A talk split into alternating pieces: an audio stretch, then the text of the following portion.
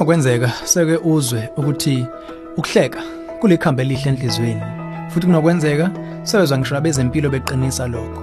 Sekushwekile lokho ukufaka amahla amahle kuhamba ibanga elide ekusigcina sijabule siphilile. Ohlelweni ezomndeni namhlanje sizochaza kabanzi ukuthi ungafaka kanjani isiko lokuhleka ndawonye nomndeni ngamahlaya ahlanzekile. Hlala nathi ungasuki. kwazi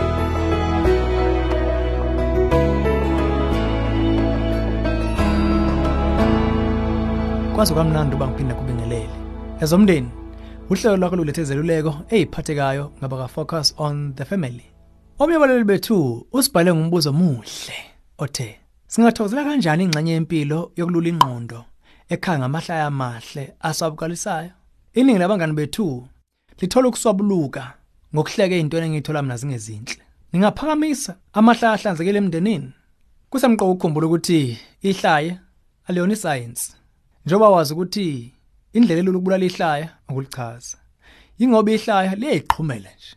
Awukwazi ngempela ukufundisa umuntu ahleke kanjani ihlaya. Futhi ngeke bafundise abantu ukuhleka ihlaya ngokulandelana. Kodwa ungawulungisa umhlabathi utshala imbewu wenza amathuba alo. Kuyenzeka kuba ukhanda ubuchule besimo sokuba ihlaya emndenini liyiqhumele lona nje. Isitebhisi sokuqala ukuqonda ukuthi ihlaya lingxenye zokuxhumana. Ezokuxhumana ke nebala isemqoko wonke umndeni ohlabela phambili. Okunye imndeni neindlela zayo zamahlaya. Ongoti baye bathi emndenini ngamunye angalinganiselwa ko50 amahlaya. Lamahlaya ayazakhekela ngokwesimo somndeni. Abantu kumele bakhuthazwe ukuletha amahlaya ngeindlela zabo. Sise lapha kusemqoko ukusho ukuthi amahlaya nezokuxhumana ubuso obili bemalinye.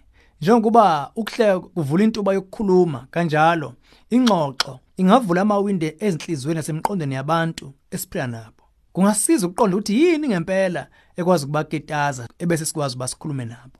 Le ngenye indlela yokufunda ukuthanda omunye nomunye. Njengoba sisike sabe ukuthi ihlaya ngempela akwazi ukulihlela ngeso liqhumela lona. Kunalezi zathu lelihle uma liqhumela engalindele umuntu ezimene bengalindelekile futhi. Lokho kuchaza ukuthi ungakhuthaza amahlaya amahle anempilo ngokukhuthaza izinto ezintsha emndenini. Lokho ungakwenza kanjani pho? Ungasungula izinto ezokwenza abantu baphenduke ihlaya la emndenini. Kuphela ke qinisekisa ukwenza ngokuphepha ngobuchule nangokuphilile lokho. Ukudlala imidlalo kuhlala kuyise elingcono. Imidlalo elengisa izilwane njalo njalo.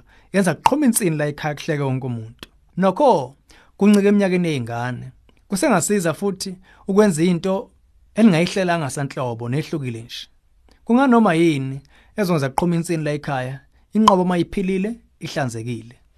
Elinyiso kungaba ubusuku ke nezikhiphe nje nemndeni bese ujuba ingane ngayinye iphathutho ezolibeka etafuleni.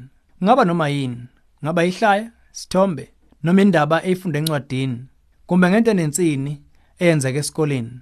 Emva kokuhleka ndawonye nomndeni nikilunga ngalinye lixoxe ngeqhaza lalo? Babuze. Bafike kanjani ekutheni abakusebenzisile bakubone ngaba lihlaya? Thola kungani? Bacabanga kuzoba insini leyo nto. Lokho konika ithuba ukufunda umqondo welunga lomndeni ngalinye. Enye indlela ukujwayela amahlaya ahlukene. Sithemba ukuthi ukhuthazekile ngokusungula indlela ezingobuchule zokufaka amahlaya emndenini kuhlekwe ndawonye. Kodwa uqinisekise ukuthi kungahlekwa njengokujova isici somunye umuntu. Lolu hlelo ezomndeni. Ulethulelwe yi-focus on the family sihlangabezwa hlelo luzayo sesihlabelisa phambili umndeni wakho.